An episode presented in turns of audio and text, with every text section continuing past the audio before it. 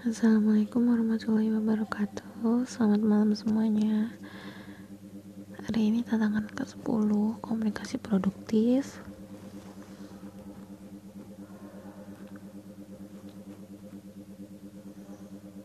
Pada hari ini Aku bisa menjalani Tantangan komunikasi dengan sangat baik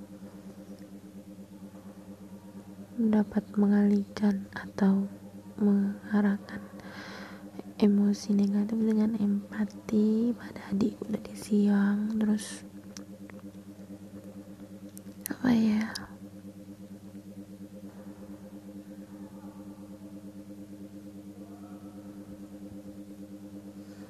Berbicara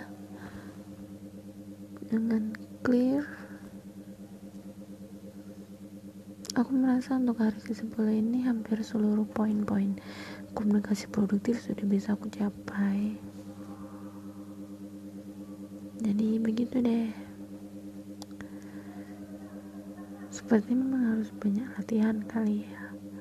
Semakin banyak latihan semakin bisa gitu.